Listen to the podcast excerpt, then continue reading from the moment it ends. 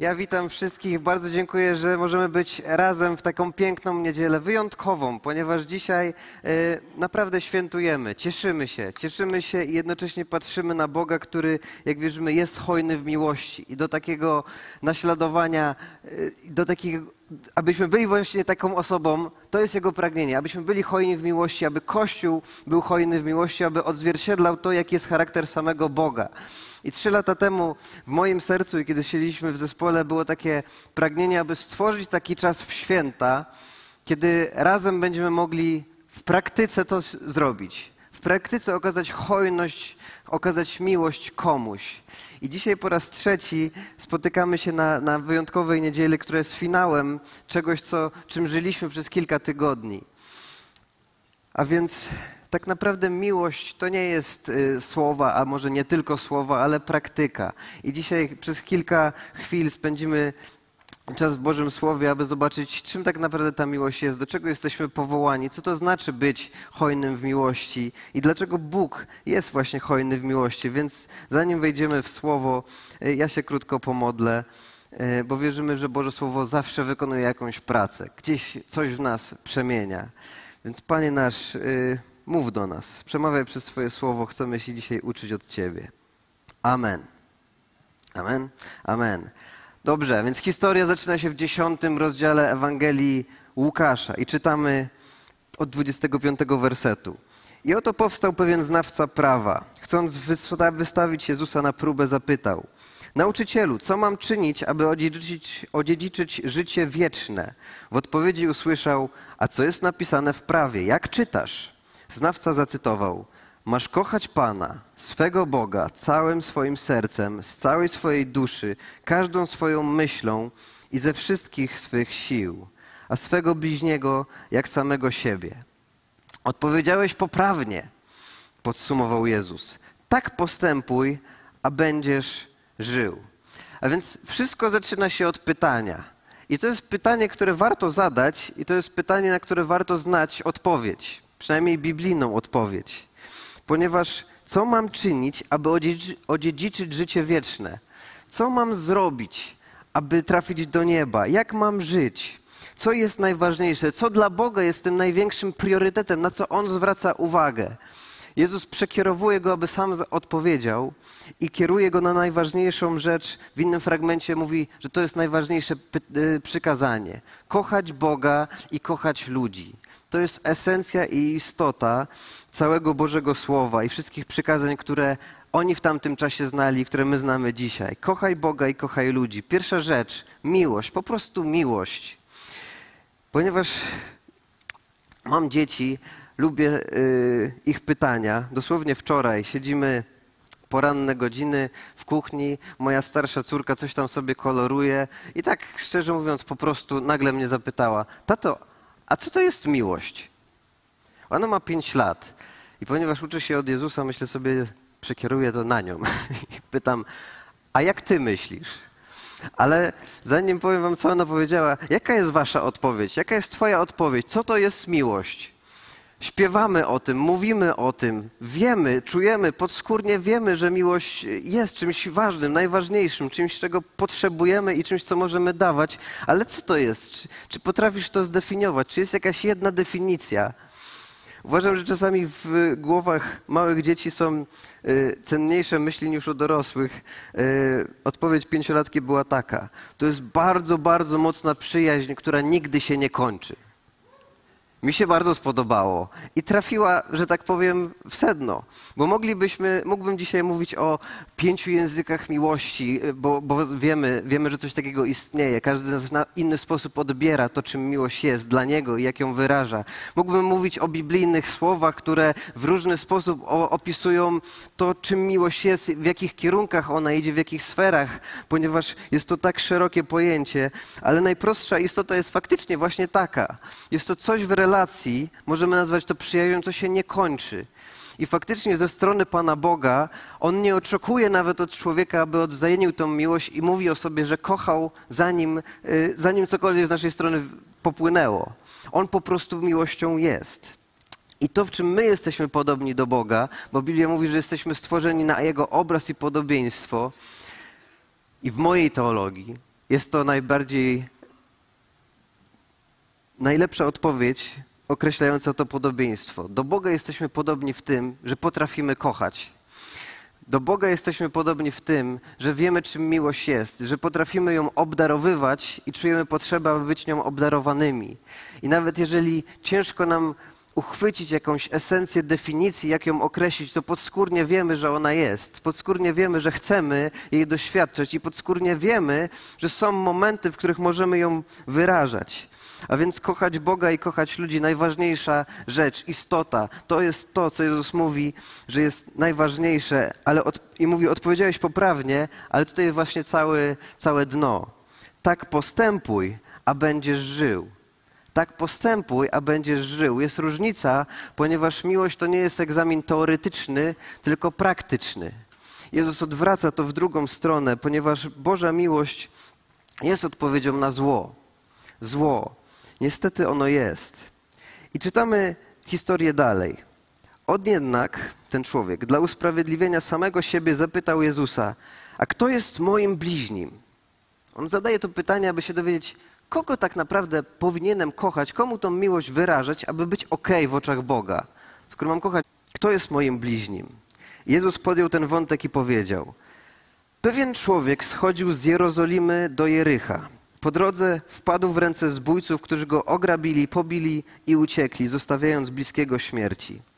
Przypadkiem jakiś kapłan schodził właśnie tą drogą, gdy zobaczył nieszczęśnika, przeszedł na drugą stronę i odszedł. Podobnie było z Lewitą. Przechodził tamtędy, zobaczył go, przeszedł na drugą stronę i oddalił się. Natomiast pewien Samarytanin, który też tamtędy podróżował, zlitował się nad pobitym. Podszedł, obandażował mu rany, polał oliwą i winem, wsadził go na własne zwierzę, zabrał do gospody i roztoczył nad nim opiekę. Nazajutrz udał się do gospodarza, zapłacił dwa denary i powiedział: Zadbaj o chorego, a cokolwiek ponad to wydasz, wyrównam w drodze powrotnej. Który z tych trzech, Twoim zdaniem, okazał się bliźnim człowieka, który padł ofiarą rozboju? Znawca odparł: Ten, który się nad nim zlitował. I wtedy Jezus powiedział: Idź i postępuj podobnie. Jezus opowiada jedną z najbardziej znanych historii do dzisiaj. Historia o miłosiernym Samarytaninie, ale mówi to jako odpowiedź na pytanie: Kto jest moim bliźnim? Gdzie są ci ludzie, do których zobowiązany jestem, aby wyrażać miłość, aby czynić miłość, aby robić coś dla nich? Taki jest kontekst całej tej historii. Ale Jezus rozpoczyna ją, osadzając ją nawet na konkretnej drodze. Mówi, że pewien człowiek schodzi z Jerozolimy do Jericha.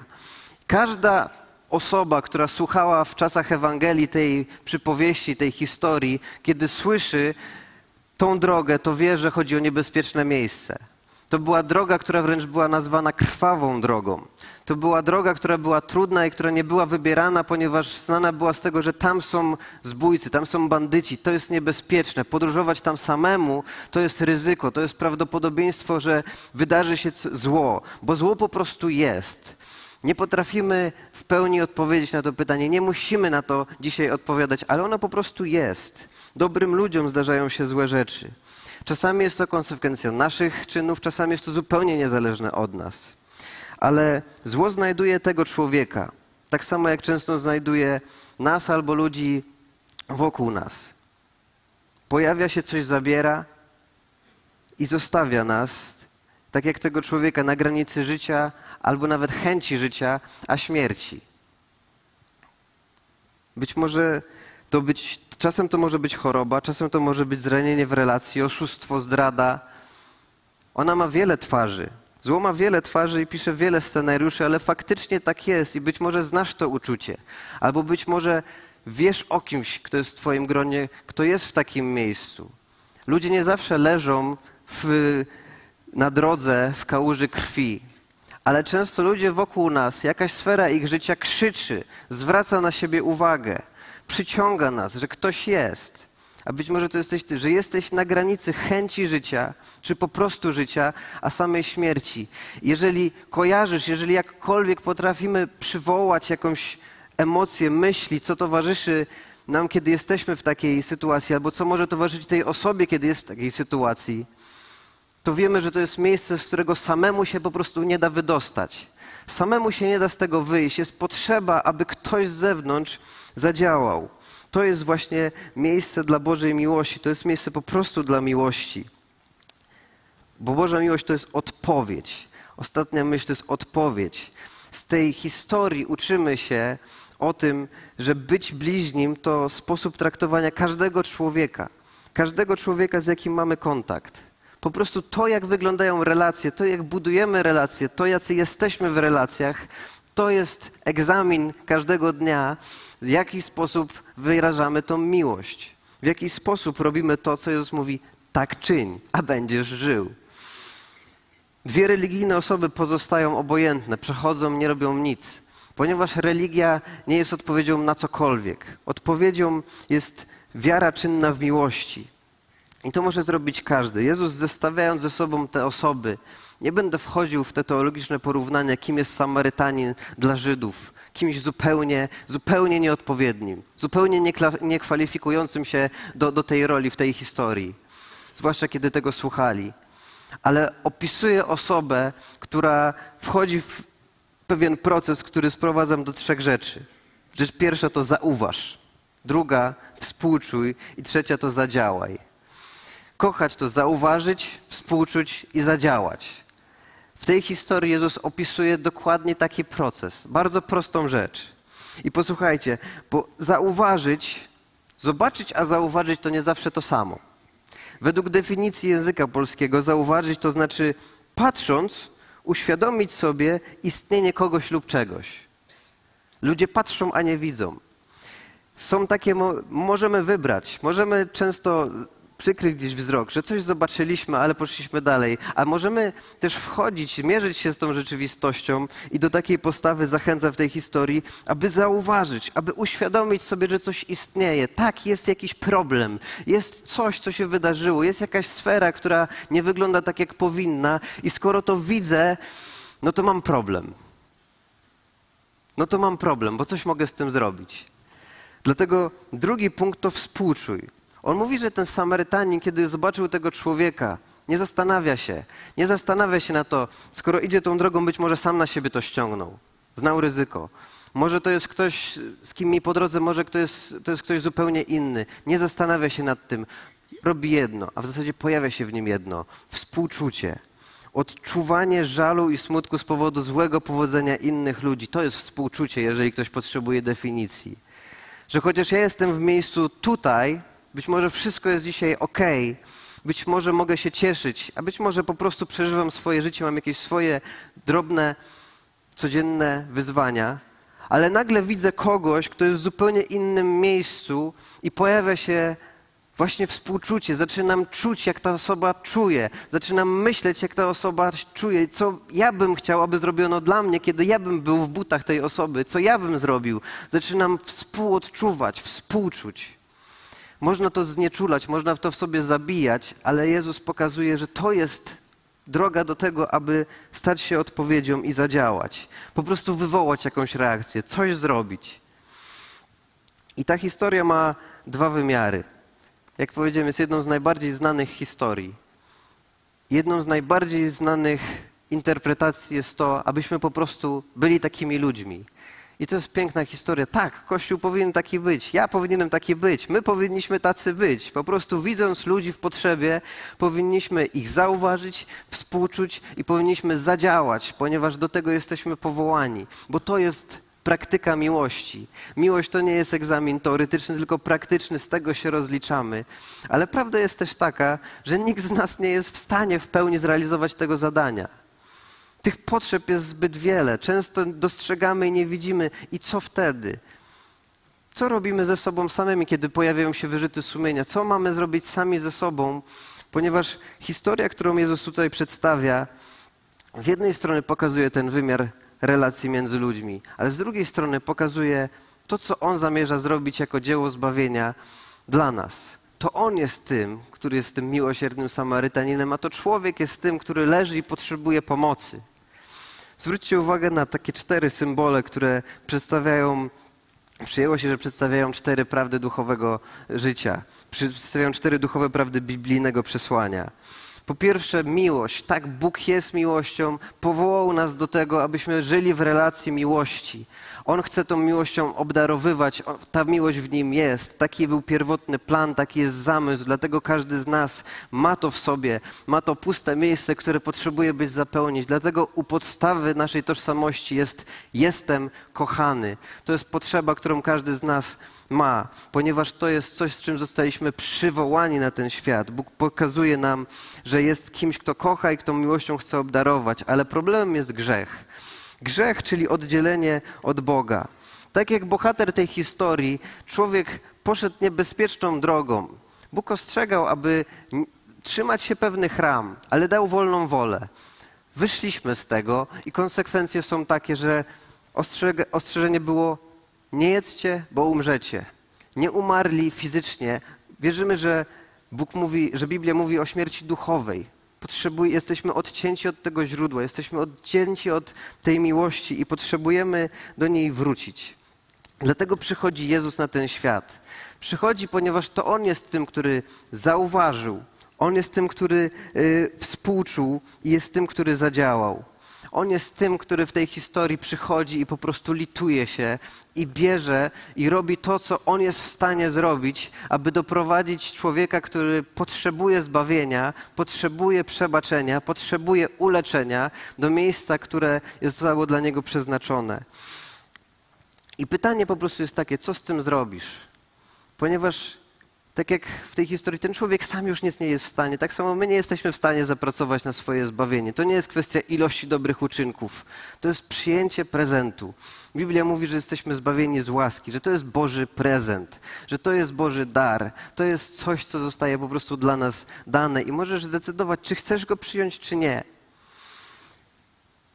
I dzisiaj jako szczególny czas patrzymy na tę historię, ponieważ chcemy się modlić, abyśmy my jako Kościół, my jako ludzie mogli nieść tą miłość. Ale z drugiej strony przypomnienie, hej, to ja byłem tym, który potrzebuje i potrzebował i dalej potrzebuje Bożej miłości. Jezus wziął te, Samarytanin, patrzymy na niego jak na Jezusa, wziął tego człowieka do gospody, daje dwa denary, które jak czytamy historycznie starczyły na długi czas. To była hojna opłata. I mówi, aby się nim troszczyć, aby się nim zająć, ponieważ on idzie dalej. Ale kiedy będę w drodze powrotnej, jeżeli będzie coś ponad ten koszt, ja zwrócę. I wierzymy, że powołaniem Kościoła jest to, aby to, co Bóg daje, zaopiekować. On i tak nas błogosławi, dając nam to, co jest nam potrzebne do tego. I On, kiedy wróci, wierzymy, że Jezus przyjdzie znów, to On wynagrodzi. Wynagrodzi cały ten trud. Wynagrodzi to, co zostało poczynione, wy, wykonane.